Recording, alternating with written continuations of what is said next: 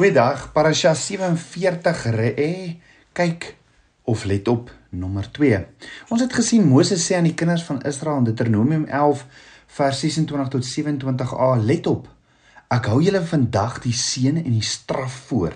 Die seën sal kom as julle die gebooie van Jahwe julle God gehoorsaam wat ek aan julle vandag gee. Nou hierdie week se gedeelte uit die woord naamlik Re'e word altyd bestudeer rondom die begin van die maand Elul in die Hebreëse kalender. Dis die 6de maand van die Bybelse kalender. Hierdie siklus van die maande is elke jaar 'n tyd van intense opgewondenheid. Want dit is die tyd wanneer die koning in die veld is en sy verbondsvolk voorberei op die profetiese hoogheilige dae van die 7de maand. Volgens Abba Vader se opdrag moet ons Yom Teruah, fees van trompette, herdenk op die nuwe maan van die maand Tishri. Yom Kippur op die 10de dag van Tishri, Sukkot op die fees van Tabernakels op die 15de tot die 21ste Tishri. Met ander woorde, Re'e is dus die parasha waar 'n profetiese aftelling begin wat ontwerp is om ons harte, siele, gedagtes, liggame en prioriteite gereed te maak vir die hoë roeping waarna toe Abba Vader ons roep om aan die nasies van sy goedheid in die vinnige naderende seisoen van goddelike afsprake te vertel. Van die oomblik wat ons Moses se openingsvoorskrif vir Re'e begin lees van kyk of let op, moet ons iets diep binne in ons begin. Dan daar's iets binne in ons wat begin roer. Ons harte moet in ons borskaste begin klop. Ons moet ons oë oplig bo die gewone alledaagse sake van die lewe, bo COVID-19, bo vermaak, bo besigheid, bo politiek, verhoudings en godsdiens en ons harte begin voorberei vir die vreugdevolste van alle pelgrimstogte na Jerusalem, die stad van ons God Jahweh. Kan jy die geluid van die ramshoring, die shofar van die hemel al hoor, tabernakelskind van Abba? Begin jy ook rusteloos in jou gees te voel?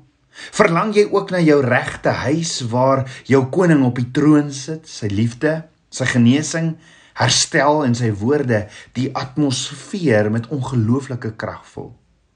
Tabernakels kind van Abba Vader, kan jy hoor Abba Vader roep jou om jou oë op te lig en te fokus op hom? Want dit is alles deel van Abba Vader se goddelike tydsberekening. Dawid sê in Psalm 23 vers 4 tot 6: Al gaan ek ook in 'n dal van doodskaduwee, ek sal geen onheil vrees nie, want U is met my. U stok en U staf, die vertroos my. Net goedheid en guns sal my volg al die dae van my lewe en ek sal in die huis van die Here bly tot in lengte van dae. So Moses 20 jaar oud huppel voorwaarts na die eindstreep van die lewe toe. Na 'n groot reunie met sy ma Jochebed sy pa Amram, sy broer Aaron, sy suster Miriam en al sy voorvaders uit die geslag van Abraham wat vir hom wag. Maar voordat hy egter by hierdie mense aansluit, is hy van plan om elkeen van ons saam met hom op 'n baie spesiale reis te neem. Moses is besig daar daarvan dat is bewus daarvan dat dat hy nie die geslag wat in die woestyn grootgemaak is onder sy fisiese leiding die beloofde land van hierdie wêreld kan inneem en lei nie. So die bestemming wat Moses vir elkeen van ons in gedagte het is niks anders as die groot beslissingsvallei nie. Moses weet dat ons almal eendag deur die vallei van beslis besluitneming sal moet gaan. Moses sal eerder verkies dat ons gelei sal word deur iemand in wie se borskas die hartstog van 'n Vader klop as wat ons deur een of ander gesalfde herder wat aan gemengde motiewe lei en 'n verwarrende mengelmoes van leerstellings en teologie aanbied. Moses weet dat daar 'n kritieke kruispunt in die vallei van besluitneming lê. By hierdie kritieke kruispunt is die begin van twee paaie, paaie wat in baie verskillende rigtings beweeg en die keuse moet gemaak word. Die naam van die eerste van die twee afwykende paaie is Paragsha, 'n Hebreëse naam wat in Engels algemeen as seën vertaal word. Die naam van die ander uiteenlopende pad is Kalala, 'n Hebreëse naam wat in Engels algemeen as as 'n uh, um of in Afrikaans algemeen as vloek vertaal word. En daarom sê Moses in Deuteronomium 11 vers 26 tot 28: Let op, ek hou julle vandag die seën en die straf of vloek voor. Met ander woorde, lank voordat die kinders van Israel eintlik by die kruising van hierdie twee paaie kom, wil Moses sê die kinders van Israel, asook ons, moet verstaan watter soort leefstyl die pad parasha of seën genoem word, behels maar ook die volle implikasies van wat die pad kalahla of vloeke genoem word behels. Moses het slegs 5 parashas om ons voor te berei op die besluit wat ons in die vallei van besluitneming sal moet neem. Alles wat hy vir ons in hierdie 5 parashas leer, sal ons help met die groot besluit wat ons op die groot kruispunt moet neem. Met ander woorde, die volgende 5 parashas gaan nogal intens raak weens die besluit wat ons gaan moet maak aan die einde van Deuteronomium waar Moses ons oproep tot 'n besluit. In Deuteronomium 30 vers 29 waar hy vir ons sê: Ek roep jou vandag, ek roep vandag die hemel en die aarde tot getuie teen julle dat ek die lewe en die dood aan julle voorgehou het, die seën en die straf. Kies die lewe sodat jy en jou nageslag kan lewe om Jahwe jou God lief te hê, hom te gehoorsaam en om hom aan te hang, sal vir jou lewe gee en jou lank laat woon in die land wat Jahwe met 'n eed aan jou voorvaders Abraham, Isak en Jakob beloof het om aan hulle te gee. En dalk vra jy maar, maar waarom moet ons nou 'n besluit maak en en waarom doen Abba Vader nie net wat hy weet die beste vir ons is nie? Abba Vader verdien nie 'n vreesaanjaende dienaar nie, maar passievolle diensneg en loyale intieme vriend. Om die regte keuse te maak, Abba Vader gee ons altyd 'n keuse. Die vyand dook met vrees dwing geen keuses af nie. Hy ruk, hy hy dwing jou net in 'n rigting in. Soos om sekere besluite ook vandag te maak. Dat hy, hy gee jou nooit 'n keuse nie. Abba Vader gee altyd 'n keuse. So om die regte keuse te maak, weet Abba Vader dat daar alternatiewe keuses moet wees. Hy wil hê dat ons keuses van hom en sy weë 'n ingelikte, ingeligte eie keuse moet wees. En daarom het Moses die afgelope twee parashas die algemene beginsels van die Shema leefstyl, Heer listen en obey, vir ons uitgelê. So wat het Moses ons so ver oor die Shema leefstyl of verloste leefstyl geleer?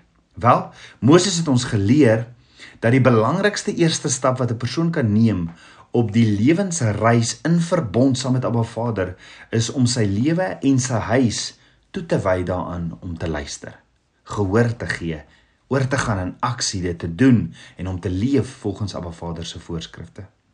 Moses het ons geleer dat hierdie geloofstap absoluut noodsaaklik is om op die weë van Abba Vader te wandel as die weë van die wêreld. Moses het gesê in Deuteronomium 11 vers 13 tot 17: As julle al die gebooie wat ek julle vandag gee stiptelik gehoorsaam en Jahwe julle God liefhet en dien met hart en siel, sal hy vir julle land sy reën gee op die regte tyd, lente en somerreëns en julle sal koring, wyn en olie oes. Jahwe sal sorg vir groen gras op julle veld vir julle vee en julle sal oorgenoeg hê om te eet. Pas op dat jy nie verlei word om ander gode te gaan dien en vereer nie, want dan sal die troon van Jahweh teen julle ontvlam en hy sal dit nie laat reën nie. Die aarde sal nie meer sy opbrengs lewer nie en julle sal baie gou verdwyn uit die goeie land wat Jahweh aan julle gee. Met ander woorde wat Moses eintlik vir ons sê is, hierdie is nie net 'n bevestiging van jou geloof nie, maar 'n strategiese toegang tot 'n radikale nuwe manier van lewe. Moses het ons geleer dat sy woorde in Deuteronomium 6 waar hy sê Shema Israel beteken dat jou lewensfokus moet wees om jou oor in te stel om te luister na Ba Vader se elke instruksie en dit net so te doen in dade.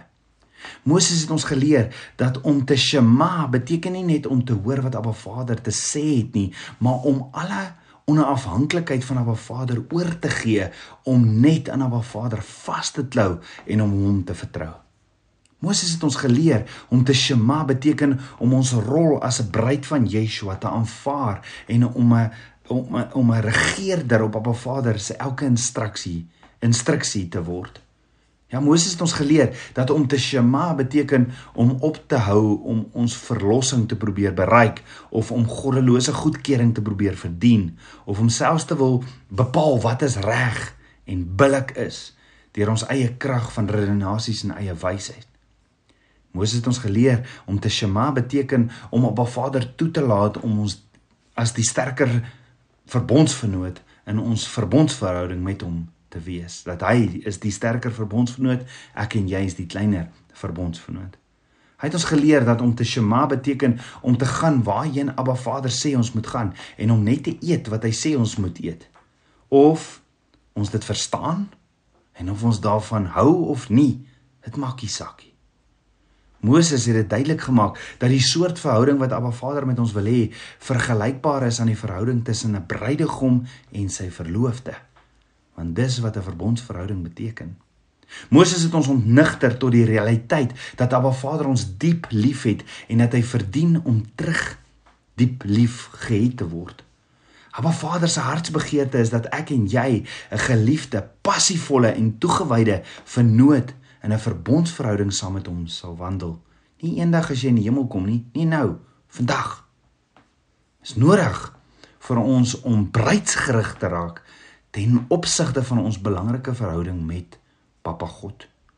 Met ander woorde ons primêre maatstaf waardeur ons deur die lewe gaan moet wees om 'n toekomstige bruid te wees van Yeshua en dat ons besig is om onsself voor te berei vir hierdie bruilofsmaal wat binnekort gaan aanbreek. Ek kan dit al hoor, kan jy hoor hoe daai shofar gaan blaas? Jy sien 'n bruids geaardheid is presies die teenoorgestelde van wat die meeste moderne mense as godsdiens ken. Hoekom? Want in dit wat ons as sy godsdiens ken, is waar ons nog alles beheer. Want dit want in dit wat ons as godsdiens ken, is waar ons nog alles beheer.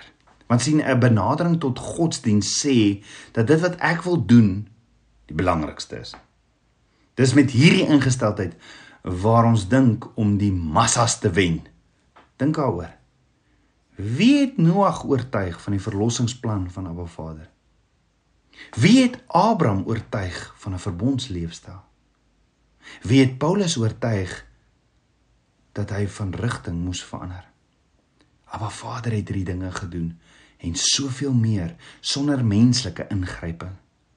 As hy ons toelaat om aan die verlossing van siele deel te neem, is dit 'n onmeetbare, onmeetbare voorreg maar hy sou nooit so 'n belangrike taak in ons hande net los nie. En die woord stel Abba Vader, nie ons nie, baie duidelik as die sterker verbondsvernoot in die verbondsverhouding voor. Die woord beeld ons, die bruid as se se lewens uit as 'n intieme liefdesdans waarin Abba Vader ons lei en ons hom net volg en waar ons doen wat ons hom sien doen en slegs beweeg na aanleiding van sy leidrade, sy ritme op sy dansvloer. Daarom word daar op ons beroep gedoen om die verhouding tussen twee intieme verwante Hebreëse konsepte shama en re'en op 'n ander vlak te bestudeer. Moses begin hierdie week deur vir ons twee paadjies voor te lê. Hy gooi ons vra om binnekort hy, hy gaan ons vra om binnekort te kies watter een van hierdie twee paadjies ons sal volg. Moses verseker ons profeties dat een van hierdie twee paaie sal lei tot 'n lewe van onpylbare seën en steeds groeiende shalom vrede. As ons hierdie spesifieke pad volg, verseker Moses ons dat Abba Vader ons lewens sal vestig as 'n fontein van seën nie net vir onsself en ons gesinne nie, maar ook vir almal wat ons ontmoet. Maar daar's nog 'n pad wat Moses ons wil wys. As ons kies om hierdie weg te volg, verseker Moses ons dat dit sal lei tot 'n ewige gejaag na wind van ellendige mislukking en ellendige mislukking en van toenemende wanhoop. Die eerste paadjie is die wandel saam met Abba Vader. As ons hierdie pad kies, beteken dit dat elke tree wat ons gee, word deur Abba Vader bepaal. Hierdie pad is goed belig en die grense daarvan is duidelik omskryf. Maar dit is 'n pad van absolute onvoorwaardelike oorgawe. Die tweede pad is presies die teenoorgestelde. Dit is die pad van die weggolbreid. Dit is die pad wat jy stap op jou eie.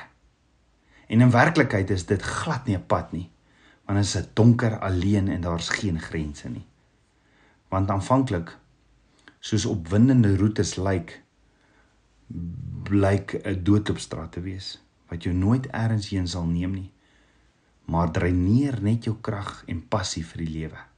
En Abba Vader wil hê dat ons moet weet dat die keuse van watter paai ons gaan volg, dis my en jou keuse. Hy wil hê ons moet verstandig wees en verstandig kies. Abba Vader wil verder hê dat ons 'n ingelig ingeligte keuse moet maak tussen hierdie twee paaie voordat hy 'n roep beroep op ons doen om tussen die twee paaie te kies. En die vraag is Tabernakels kind van Abba. Wat is jou keuse? Kom ons bid saam. Abba Vader, skieper van my hart. Abba, en ek ek loof en ek prys U. Vader, ek wil aan U vassteef met my alles en net saam met U wandel in verbond. Where you go, I go. What you say, I say. Vader, was my met die waterbad van U woord en kom leer my meer en meer van U geheimenisse. Ek wil U volg, Yeshua. Ek wil U volg. Dankie, dankie Vader vir u hand van beskerming en voorsiening. Ek loof en ek prys u. Ek bid dit alles in Yeshua Messie se naam, die seun van Jahweh. Amen. Shalom.